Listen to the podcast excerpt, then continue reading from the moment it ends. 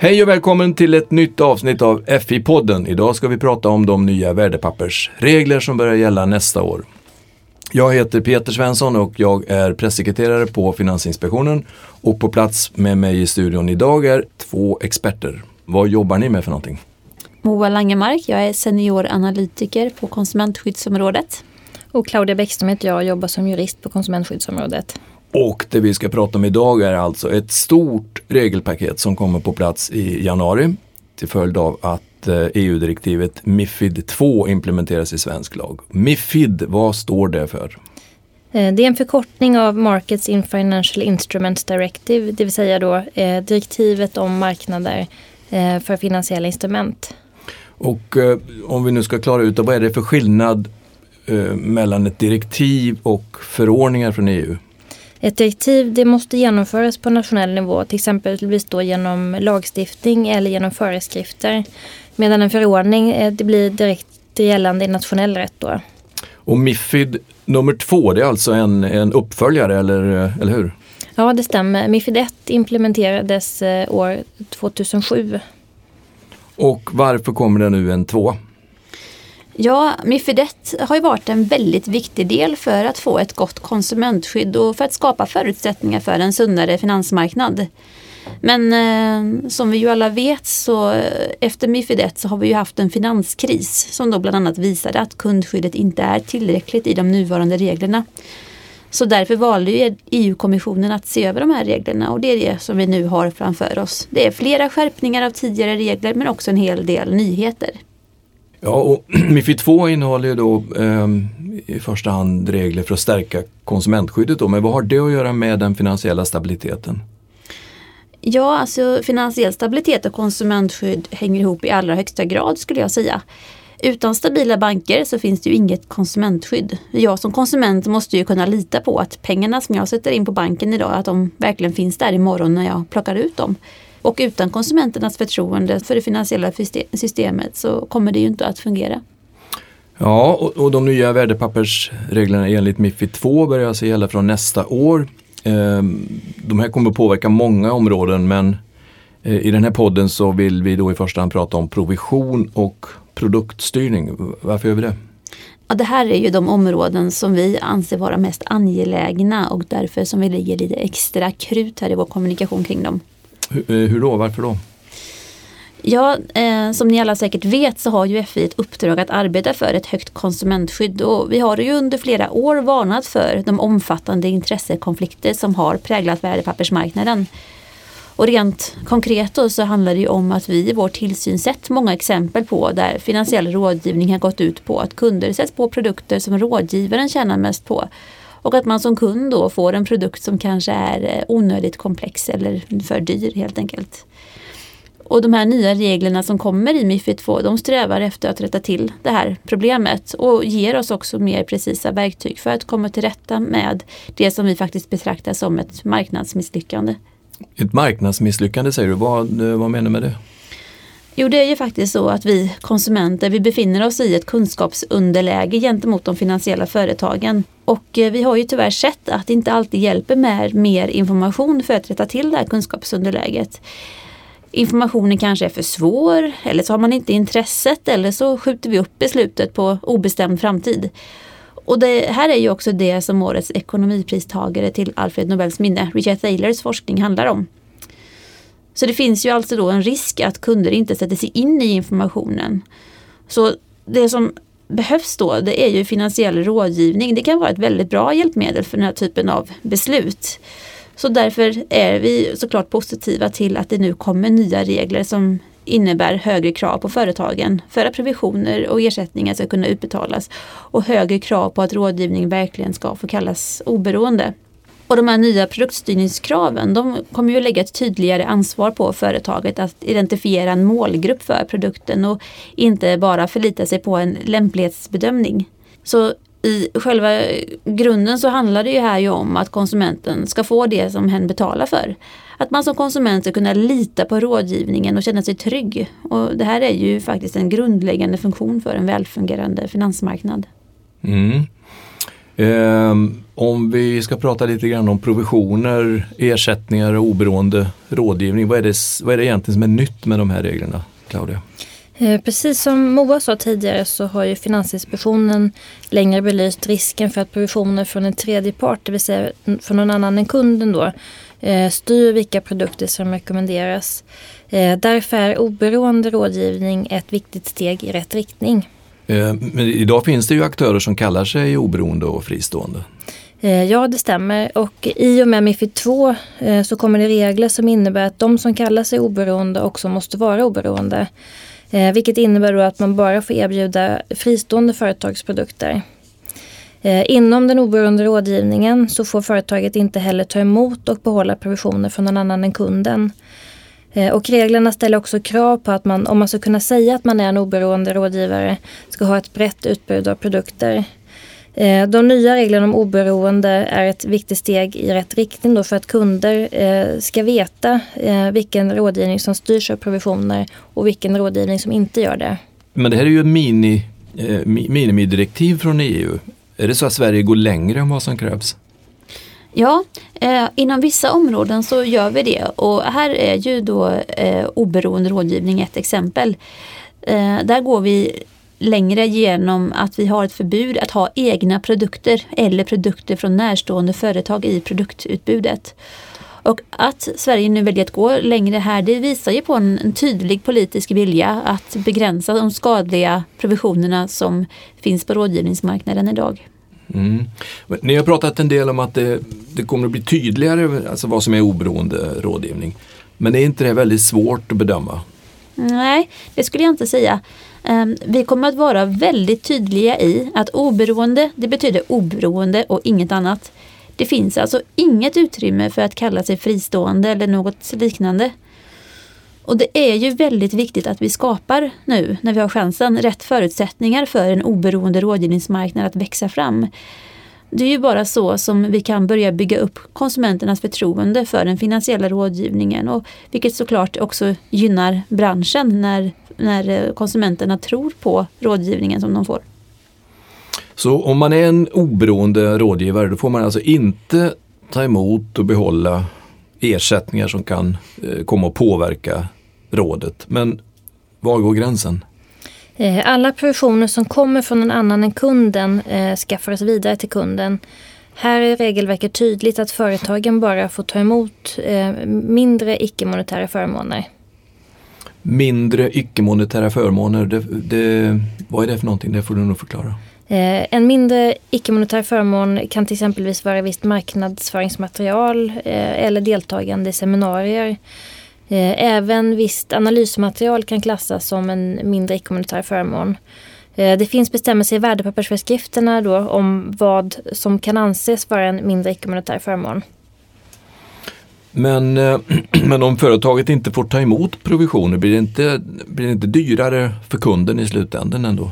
Nej, tvärtom. Provision har inneburit att rådgivarna istället för att ta en öppen avgift från kunden har bakat in kostnaderna för själva rådgivningen vilket har lett till dyrare produkter för kunden. Eh, vi vill alltså då med de nya reglerna komma bort från höga avgifter på produkten till öppen och transparent avgift som kunden betalar direkt till rådgivaren. Eh, det skapar tydlighet då för alla aktörer på finansmarknaden. Men hur ska företagen ta betalt då?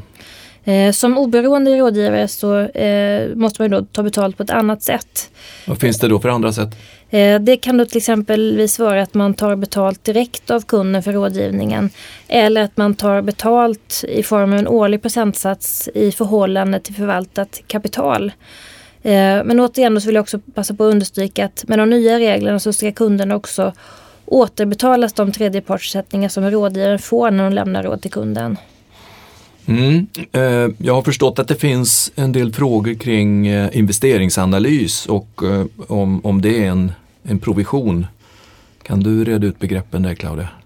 Ja, huvudregeln är att företagen ska betala för investeringsanalyser för att den inte ska vara att anse som en provision. Eh, men en investeringsanalys av allmän karaktär eh, kan vara okej att ta emot utan att institutet betalar för den. En förutsättning då är då att analysen ska kunna anses vara en mindre icke-monetär förmån. Icke-monetär förmån igen där. Alltså kan du bena ut det lite mer? Mm. Eh, för att en investeringsanalys ska anses vara en mindre monetär förmån då, eh, så ska det röra sig om analyser eller analysmaterial som till exempelvis då sammanfattar redan publicerade bolagshändelser. Till exempel då prognosjusteringar eller annan information som kan vara av relevans för, för företagets kunder. Eh, även förmedling av realtidskurser och avslutskurser som är tillgängliga för alla är okej att ta emot. Eh, men här vill jag verkligen betona att analyserna får inte innehålla några konkreta investeringsråd eller rekommendationer. Eh, och som huvudregel gäller att när ett företag tar emot en analys som inte kan vara en mindre icke-monetär förmån så måste institutet antingen betala för analysen eller låta kunden betala för analysen via ett särskilt analyskonto. Mm, Okej, okay. eh, då går vi in på produktstyrningsreglerna och det är ju helt nya regler. Eh, kan någon av er berätta lite mer om vad, vad de innebär? Mm. Um, vi på FI har ju länge sagt att det behövs förbättrade rutiner hos bolagen för framtagandet av nya produkter och tjänster. Och därför är det ju väldigt bra att de här nya reglerna kommer nu. Nu blir det tydligt att företagen inte kan lägga ansvaret för vilka produkter konsumenten får enbart på distributören. Och de här nya reglerna, det är ju klart att det är en fråga om företagskultur. En stor... Företagskultur, alltså det, betyder det att ledningen måste ta ett, eh, ett större ansvar?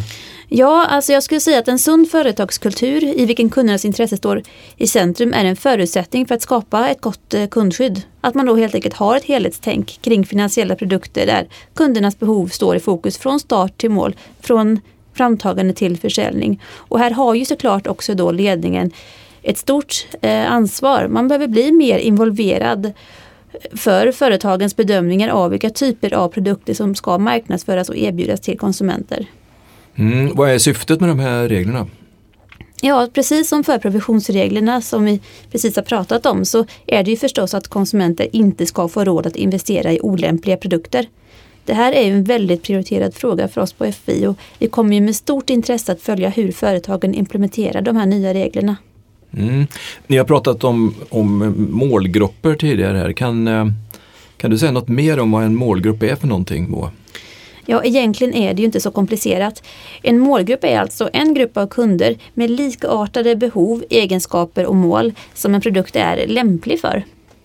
Kan man ge några exempel på, på sådana egenskaper? Eh, ja, ett av kriterierna som man ska titta på när man fastställer målgruppen det är då kundens kunskap och erfarenhet. Vad, eh, vad skulle det innebära i praktiken? Ja, i praktiken då så är det så att producenten av produkten ska analysera det finansiella instrumentet och man ska också ansvara för beslutet om för vilken målgrupp som det är lämpligt. Och det här ska ju producenten göra då för alla produkter som ska tas fram på marknaden. Och så ska ju också producenten ta fram en negativ målgrupp, det vill säga de typkunder som produkten inte är lämplig för. Sen då så lämnar producenten över produkten och informationen kring vilket målgrupp som den passar för till distributören eller rådgivaren. Och det här är då såklart det som ska styra då vem som rådges att köpa produkten. Mm, och, och, så finns det också ett eh, uppföljningsansvar som, som läggs på, på producenterna. Vad innebär det? Eh, ja, uppföljningsansvaret innebär bland annat då att producenten regelbundet måste undersöka om det finansiella instrumentet fortfarande är lämpligt för den målgrupp som man har fastställt då. Eh, och att distributionsstrategin fortfarande är lämplig. Om instrumentet inte längre passar målgruppen så måste producenten agera. Och vad ska producenten göra då? Ja, det beror lite grann på eh, vad som har inträffat och vilken bedömning som man har gjort då. Till exempel så kan det bli aktuellt att ändra mål, målgruppsbedömningen eh, eller att ändra det finansiella instrumentet. Producenten ska också följa upp att distributionen av produkten bara sker till målgruppen och ingen annan. Eh, och där är det viktigt att eh, producenten har en nära dialog med distributören. Eh, om producenten får information om att distributionen sker utanför målmarknaden i en omfattande utsträckning så kan det finnas skäl att producenten överväger åtgärder som till exempel att de ser över distributionsarrangemangen med distributören. Men eh, vad skulle gälla då om, eh, eller vad gäller om ett företag hjälper ett annat företag att, att till exempel emittera aktier? Eh, det beror lite på vilka tjänster som institutet utför. Eh, definitionen att producera ett finansiellt instrument är enligt värdepappersföreskriften att skapa, utveckla, ge ut och utforma finansiellt, eh, finansiella instrument. Om ett företag ger råd eller hjälper ett annat företag med emission av aktier eller obligationer så bör detta ses som att företaget är med och utformar det finansiella instrumentet och företaget är därför att anse som producent. Eh, företaget ska då därför ta fram en målgrupp av slutkunder och en negativ målgrupp för det finansiella instrumentet. Företaget som hjälper till med utgivningen av aktien i den här situationen eh, de har då inte någon skyldighet att regelbundet se över det finansiella instrumentet eh, eller att ta, ta emot återrapportering från, från distributören av det finansiella instrumentet. Mm, men om man vill sälja sådana aktier vidare då, vad, vad gäller då? Eh, det företag som då sen distribuerar de här eh, aktierna eh, på sekundärmarknaden ska fastställa en målgrupp av slutkunder för instrumentet innan man distribuerar det. Mm, nu har vi hört om flera viktiga nyheter som då träder i kraft den 3 januari nästa år. det är ett helt nytt synsätt. Ja, det skulle jag säga. De regler som nu införs kommer att förändra företagens produktframtagningsprocess. När företagen nu tar fram en produkt så ska de därför svara på frågan vad behöver kunden och hur skapar vi det? Inte vad kan vi tjäna mest på? Det låter som en stor förändring men hur kommer vi på FI att följa att de här nya reglerna verkligen följs av företagen? Ja, det är ju en kundcentrerad produktframtagningsprocess som vi pratar om. Vilket ju då såklart blir stora förändringar för många nya företag. Och som sagt, det här är ju helt nya regler. Ehm, men de är väldigt viktiga så vi kommer ju såklart följa det här med stort intresse och se hur företagen tillämpar dem. Men exakt hur vi kommer göra det, det får vi återkomma till. Men det är ju helt klart att vi nu får vassare verktyg att använda för att stärka konsumentskyddet. Och, och självklart så kommer vi också att prioritera reglerna kring provisioner och oberoende rådgivning. Och vi har ju såklart förståelse för att det kan finnas en hel del frågor ute i branschen om hur man ska ställa sig i olika vägval. Så därför har vi bland annat hållit då ett FI-forum om de nya reglerna och vi har den här podden nu. Vi kommer också att publicera frågor och svar som kan bedömas vara av allmänt intresse på vår webbsida och sen så finns det också möjlighet att eh, för företagen att gå in och titta vad ESMA eh, gör. De publicerar också frågor och svar. ESMA, vad är det för någonting? Det är den europeiska tillsynsmyndigheten för värdepappersmarknaden. Mm. Eh, om jag nu jobbar i, eh, i branschen här med, med de här frågorna, vad ska jag tänka på? Vad ska jag ha, vad ska jag ha för ögonen? Ja, alltså vår förhoppning är ju att vi med vår kommunikation eh, vid det här tillfället och vid andra tillfällen hjälper företagen att få en kompass som man kan använda då vid alla de här olika vägvalen som man kommer att ställas inför. Men för att man ska få den här kompassen rätt då, riktad åt rätt håll, så behöver man ju förstå själva syftet och därför så upprepar jag det återigen. Det handlar ju helt enkelt om att sätta kundens intressen först. Och det här är ju det enda sättet för att bygga långsiktigt hållbara relationer mellan kund och företag på finansmarknaden. Okej, okay, och det var faktiskt allt för den här gången och eh, vill du veta mer om Mifid och Mifid 2 så kan du surfa in på fi.se Mifid och där finns också länkar till eh, bland annat FIs nya föreskrifter och en videoupptagning från eh, det FI-forum eh, som Moa nämnde här tidigare också. Och där finns ju också en länk till vårt tidigare FI-forum som ja, vi hade under våren om bland annat transparens transaktionsrapportering. Just det, och nästa avsnitt av FI-podden kommer handla om de utmaningar som Sveriges försäkringsbolag står inför. Tack för att du har lyssnat, hej då!